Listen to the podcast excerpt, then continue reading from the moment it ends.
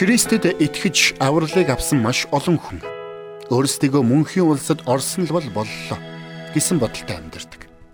Гэтэл үнэн дээр тийм биш болохыг хамтдаа нэвтрүүлгийн өнөөдрийн дугаараар доктор Стенли бидэнд сануулах болно. Учир нь ийм бодол, ийм хандлагатай амьдрах нь эдсийн дүндээ бидний амьдралд мөнхийн сөрөг үр дагавар авчирдаг байна. Бид өмнөх дугааруудаараа Христэд итгэгчид бид энэ дэлхий дээр хэрхэн амьдрснаас үл шалтгаалаад авралаа хизээж алдахгүй гэдгийг ойлгож авсан. Гэхдээ бид энэ дэлхий дээр хэрхэн амьдарч байгаа маань бидний мөнхийн улсад очиод хүлээж авах шагналд шууд нөлөө үзүүлдэг байна. Учир нь энэ дэлхий дээрх итгэлийн амьдралд Бурхныг дагаж түүнд итгэмжтэй байсан хүмүүс хожим нь түүнээс мөнхийн шагналыг авах болно. Харин авралыг авсан ч Бурхны хүслийг үл тон амьдрсан хүмүүс авралаа алдахгүйч шагналаа алдах эрсдэлтэй юм. Тиймээс өөрсдийн итгэлийн амьдралыг эргэн харж, Бурханд үйлчилж, Бурхны төлөө амьдрч чадаж байгаа эсхэ эргцүүлэн бодоцгоё. Ингээд итгэлийн амьдралда Бурхны хүслийг үл тон амьдрал бид юугаа алдах боломжтой вэ гэсэн асуултад доктор Стенли хэрхэн хариулахыг хамтдаа сонсцгоё.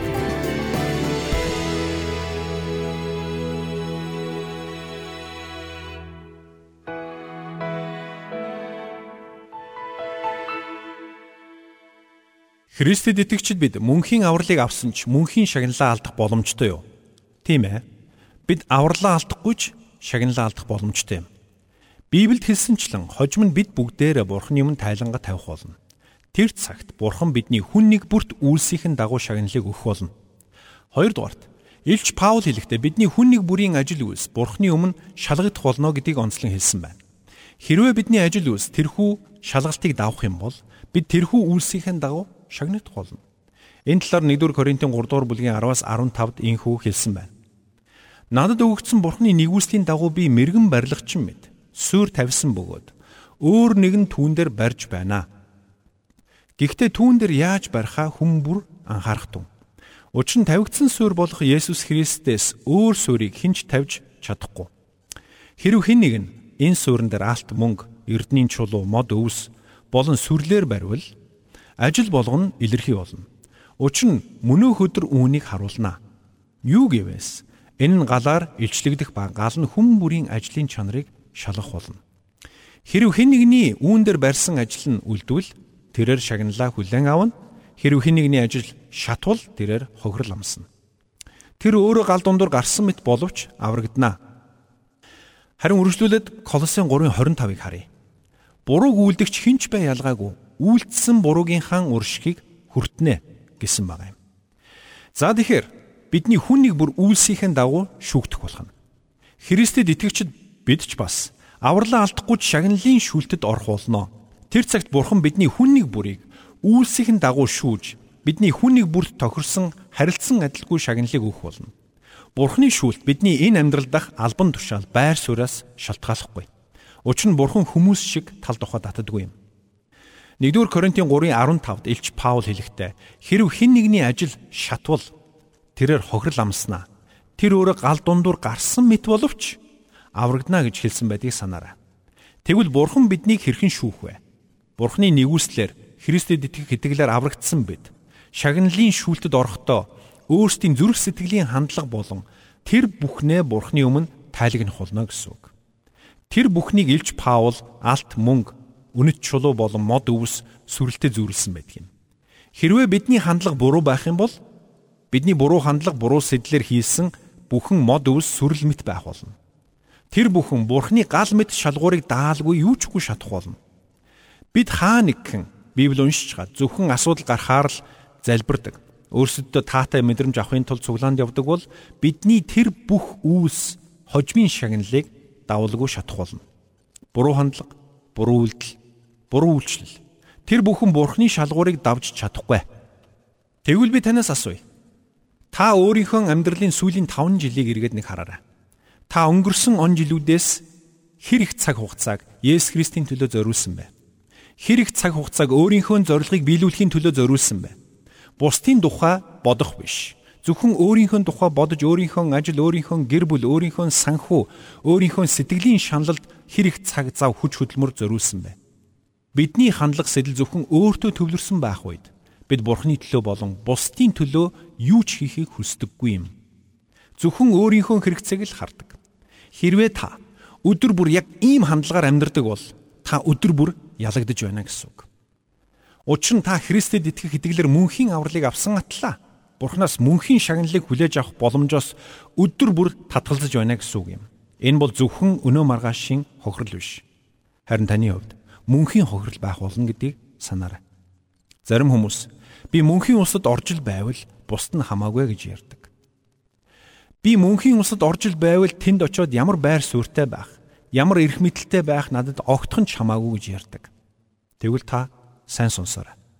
Та өнөөдөр яригдж байгаа бүх зүйлсийг мартаж болно. Харин миний одоо хэлэх үгийг битгий мартаарай. Би 15 настай байхдаа тооны багштайгаа уулзаж байсан огт мартдаггүй юм. Тэр багш маань өндөр нуруутай, цэл буурал үстэй, ийдэг зантай эмэгтэй байсныг би санаж байна.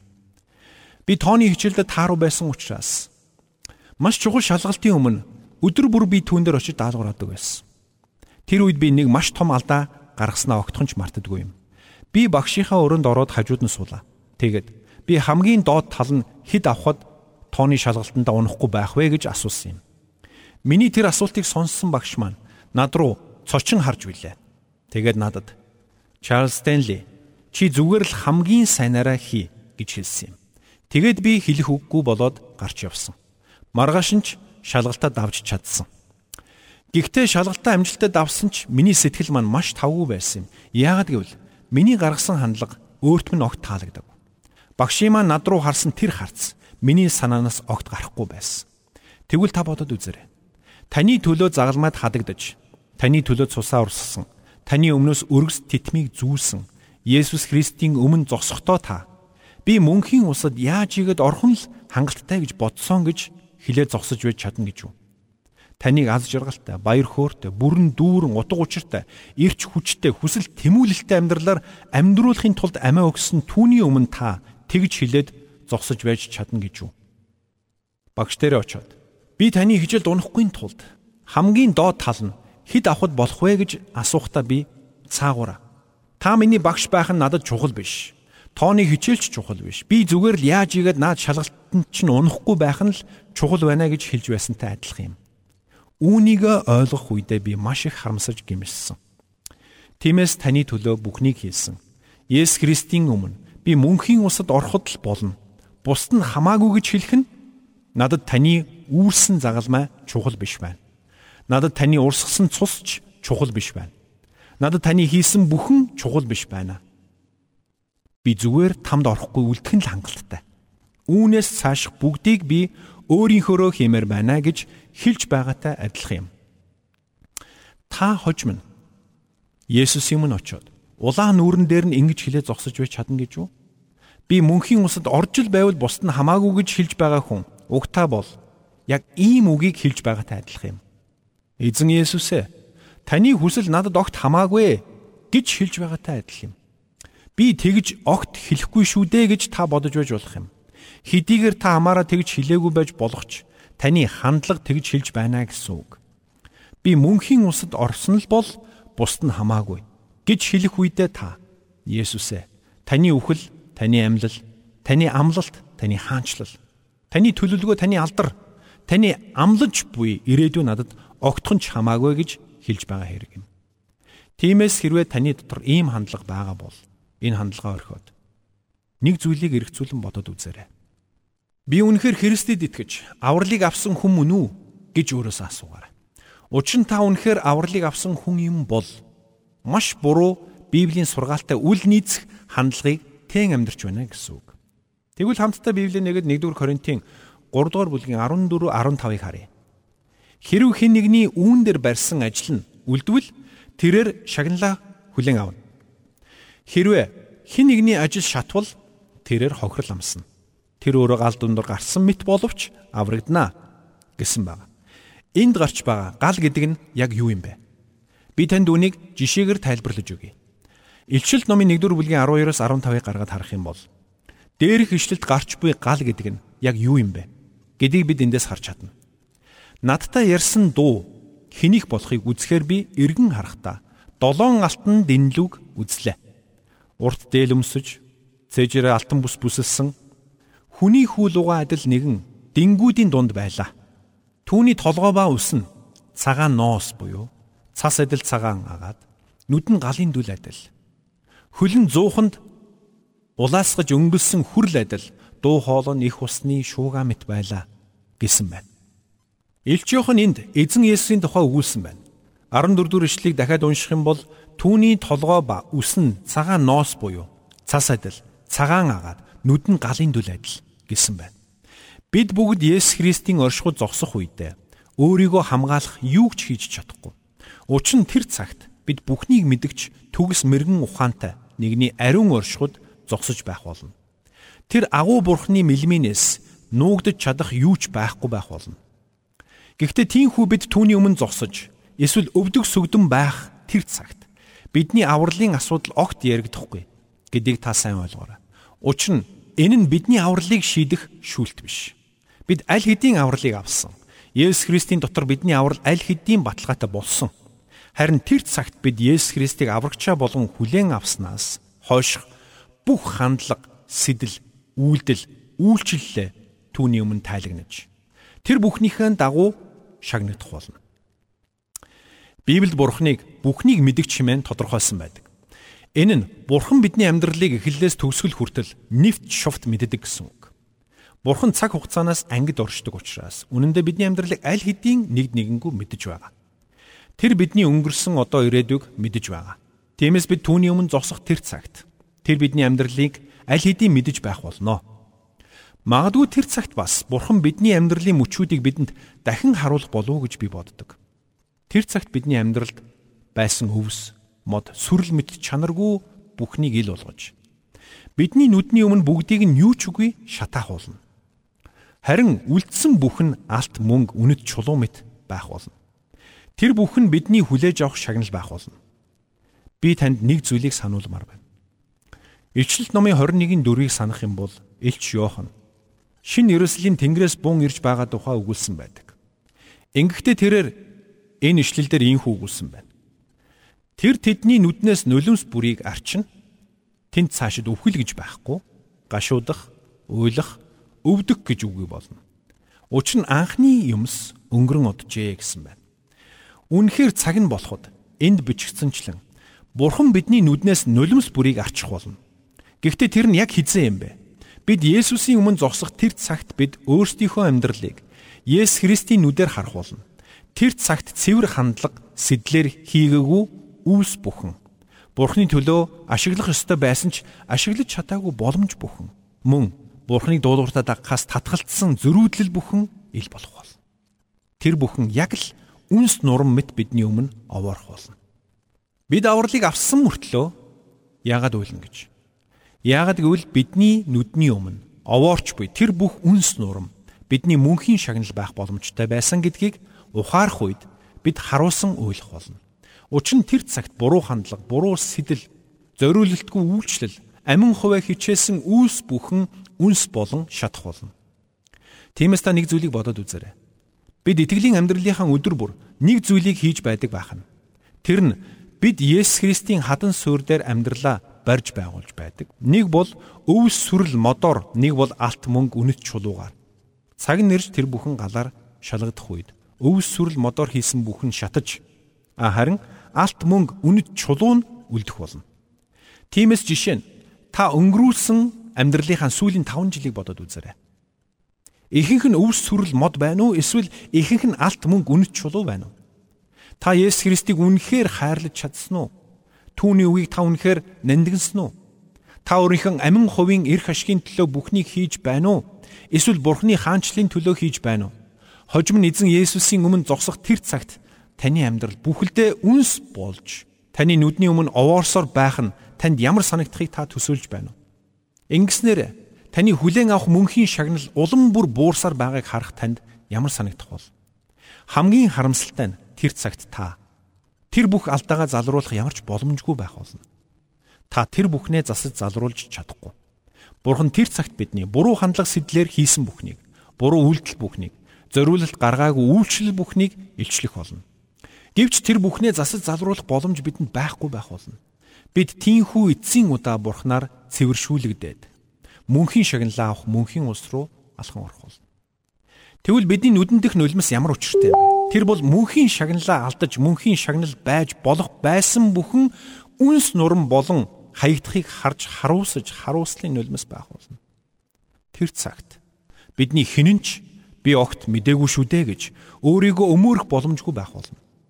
Учир нь Библиэд энэ тухай хангалттай тодорхой өгүүлсэн байгаа. Тэр цагт бидний нүдний өмнө үнсэн овоо болон шагналын овоо нэгэн зэрэг босох болно. Харин мөнхийн шагналын овоо маань өндөр байх уу нам байх уу гэдгийг бид энэ дэлхий дээрх амьдрах хугацаанд шийдэх болно. Энэ амьдралынхаа туршид бид үүнийг хийсээр байх болно. Хэрвээ бид Бурхны дуулууртаа дагвал бид онно. Хэрвээ дуулууртаа дагахгүй бол алдна. Өнөөдөр маргааш нөгөөдөр гээд бидний амьдралын үлдсэн өдөр хоног бүр үүнийг шидэх чухал өдрүүд байх болно гэдгийг та битгий мартаарай. Буруу хандлага, буруу сэтэл, буруу үйлдэл, буруу сонголт, зориулалтгүй үйлчлэл бүгд хожим нь бидний өмнө босох үнсэн овоог л нэмэгдүүлэх болно.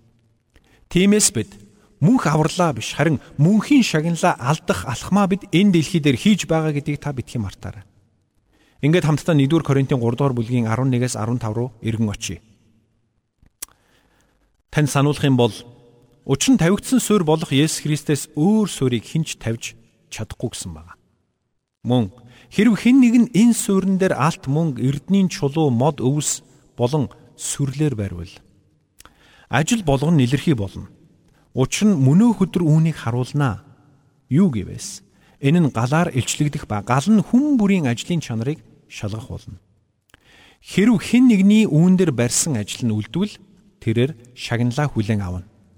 Хэрв хэн нэгний ажил шатвал тэрээр хохирол амсна. Тэр өөрөө гал дундуур гарсан мэт боловч аврагдана гэсэн баг. Энэ хэсгийн төгсгөлд хэлсэн гал дундуур гарсан мэт боловч аврагдана гэж хэлснийг та анхаараарай. Энэ хэсэгт биднийг гал дундуур гүгэд гарсан хүнтэй зүйрлсэн байна. Хэдийгээр тэр хүн галд шатаж түлэгдэхгүй боловч түүний гал дундуур гүгэд гарсан болохыг түүний биед наалтсан үнс тортог түүний биеэс үнэртэх утаа билээхэн ичлээд өгдөг шүү дээ. Тиймээс энэ ишлэл Христэд итгэж хүн шагналаа алдаж болохч авралаа алдахгүй гэдгийг дахин батлаж өгч байгаа юм. 15-ыг дахин танд уншиж өгье. Хэрв хэнийгний ажил шатвал тэрээр хохирол уламснаа. Гэвч тэрээр өөрөө гал дундуур гарсан мэт боловч аврагдана гэсэн байгаа юм. Тэр хүн аврагдах боловч түүнээс хиншүү хярвас үнэртэх болно гэсэн үг. Зүрлэлбэл таны амьдрдаг байран чинь гал гарчээ гэж бодъё та гарах гарцгүй болж хоёр давхрын цонхоор үсрэн ам аврагджээ гэж бодъё. Энэ тохиолдолд хэдийгээр та амиа алдаагүй боловч өөрийн гисэн бүхнээ төмөрт алдах болно.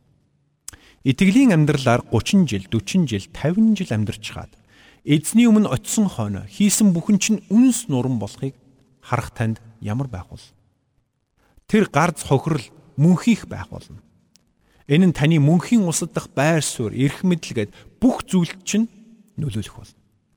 Тиймээс найз минь дараагийн удаа хин нэгэн танаас итгэвч хүмүүс авралаа мөнхөд алдахгүй юм чинь гэд дураараа нүгэл үлдэж амьдрч болох уу гэж асуул та ямар ч эргэлзээгүйгээр үгүй гэж хариулаарай. Учир нь бурхны эсрэг нүгэл үлдээд түүнийхээ үр дагаврыг амсахгүй өнгөрнө гэсэн ойлголт байхгүй. Зарим хүмүүс энэ дэлхий дээр шудрах шүүлтээс сухтаж чадах боловч хожим нь бурхны төгс мэрэгэн ухаан төгс шүүлтийн өмнө зогсох цаг хүмүүрийн өмнө ирэх болно.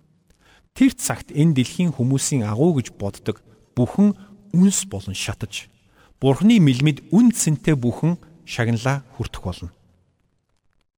Хачирхалтай нь Христэд итгэж авралыг авсан атлаа. Бурханд болон бусдад огт үйлчлдэггүй итгэгчд цөөнгүй байдаг. Тэд 11-гээ өргөдөггүй, Бурхны хаанчлалын төлөө зориулт гаргадаггүй, хаяахан Библи уншиж хаяахан цуглаандаа явчихдаг. Бүх зүйлс болж байна гэж бодон явсаар байдгийн. Тэд зовлон дунахаараа залбирчгаад итгэлээж хуваалцахгүй. Христигч гэрчлэхгүй явдаг хэрнэ. Мөнхийн улсад очоод бүгд адил тэгш шагнал хүртэх болно гэж бодон явсаар байдаг нь үнэхээр хачирхалтай хэрэг юм. Би тэр хүмүүст дахин хэлмээр байна. Библиэд ийм ишлэл нэгч байхгүй. Мөнхийн улсад очоод итгэгчид бүгд адил тэгш шагнал авах болно гэж Библиэд огт бичээгүй. Мөнхийн улсад итгэгчдийн байр суурь эрх мэдэл бүгд яг адилхан байх болно гэсэн ишлэл Библиэд нэгч байхгүй. Зөвхөн мунхаг хүн л би маргаашийн талаар огт бодохгүй байна гэж хэлж чадна. Тэгвэл мөнхийн улсад очоод ямар шагнал авах нь надад хамаагүй гэж хэлж байгаа итгэгч хүн яг л ийм мунхаг хандлага гаргаж байгаа хүнтэй агаар нэг гэсэн үг юм шүү. Тэгвэл мөнхийн улсад очисон хойно та мөнхийн мөнхөд өөрийн болгох тэр бүхнээ алдсан болохоо ухаарах болно. Хэрвээ чи 25 ба түүнээс доош настай бол миний одоо хэлэх үгийг анхааралтай сонсоорой. Мэдээж миний одоо хэлж байгаа үгс бүх насныханд бүх хүнд хамаатай. Гэхдээ би онцгойлоод залууст хандан хэлмээр байна.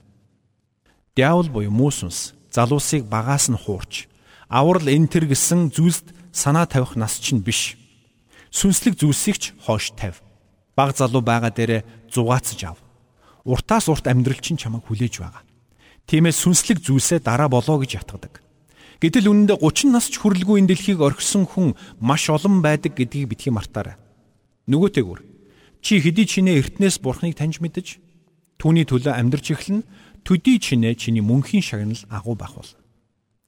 Бурхан чамайг яагаад баг залууд чинь аварсан гэж бодож байна? Яагаад гэвэл чиний амьдралын он жилүүдийн чин туршид чамаар дамжуулан ажиллаж чамаар дамжуулан агуу ажлуудаа хийхийн тулд юм шүү дээ. Тимээс баг залуудаа авралыг авсан хэрнэ амьдралын он жилүүдэд дими өнгөрүүлж гим нүглийн замаар алхаж бурхны өмнө дуулуургүй амьдрах нь чамайг хожим нь харамсах нөхцөл байдал руу хөдлөх болно гэдгийг санаарай. Тэр цагт чи мөнхийн хохирол амсах болно гэдгийг битгий мартаарай. Өнөөдөр таны хийж байгаа үйлдэл бүхэн мөнхийн үр дагавартай гэдгийг та мэдэх үү? Хэрвээ тийм бол таны итгэлийн амьдрал таны мөнхийн шагналыг улам аривжуулж байна уу? Эсвэл та мөнхийн хохирол амссан амьдарч байна уу? Христэд итгэж авралыг авсан хүн бүр мөнхийн улсад адилхан шагнал авахгүй гэдгийг доктор Стенли бидэнд сануулж байна. Тиймээс ч энэ дэлхий дээрх бидний үйлдэл бүхэн бидний мөнх шагналыг шийдэх хүчтэй гэдгийг бид ойлгох учиртай юм. Номлогчийн үгс 12-ын 14-д хэлэхдээ сайн муу гэж ялгалгүй нууцлагдсан юм бүрийг бүх үйлсийг Бурхан шүүлтэд аваач болно гэсэн байдаг. Учир нь шүүлтийн тэр өдөр Бурхан бүх зүйлсийг илчлэх болно. Тэр цагт бидний үйлдэлээр зогсохгүй бидний дотор байсан хандлага сэтлүүдж ил болох болно. 1-р шастер 28-9-д хэлэхдээ Миний хүү Соломоно эцгийнхээ бурхныг таньж мэдэн хоёргүй сэтгэл хүслэнд зүрхээр түүнд үйлчлэгтэн. Учир нь эзэн зүрх бүрийг шалгаж бодол санаа бүхнийг мэддэг юм. Хэрв чи түүнийг хайвал тэр чамд олдно. Харин чи түүнийг орхих аваас тэр чамайг мөнхөд үл хэрэгсэн гэсэн байдаг. Тиймээс бид өөрсдийн гаргаж буй зам байдал, үйл хөдлөлтөө онцгой анхаарал хандуулах нь чухал юм аа.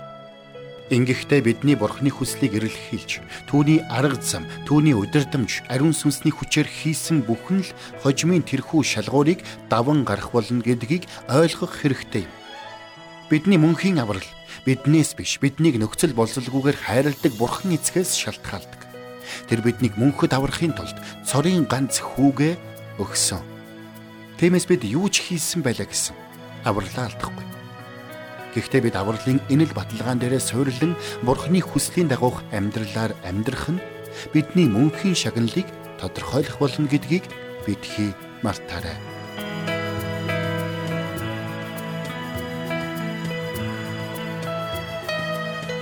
Бурханд тэмүүлсэн сэтгэл хүмүүсийг энэрх зөрхөөр амьдрахад туслах номлогч доктор Чарлз Стенлигийн хамттай нэвтрүүлэг сонсогч танд хүрлээ. Нэвтрүүлгийг дахин сонсохыг хүсвэл ихтгэл радиоцик.com-оор зочлоорой. Бидэнтэй холбогдохыг хүсвэл 8085 99 тэгтэг дугаард хандаарай.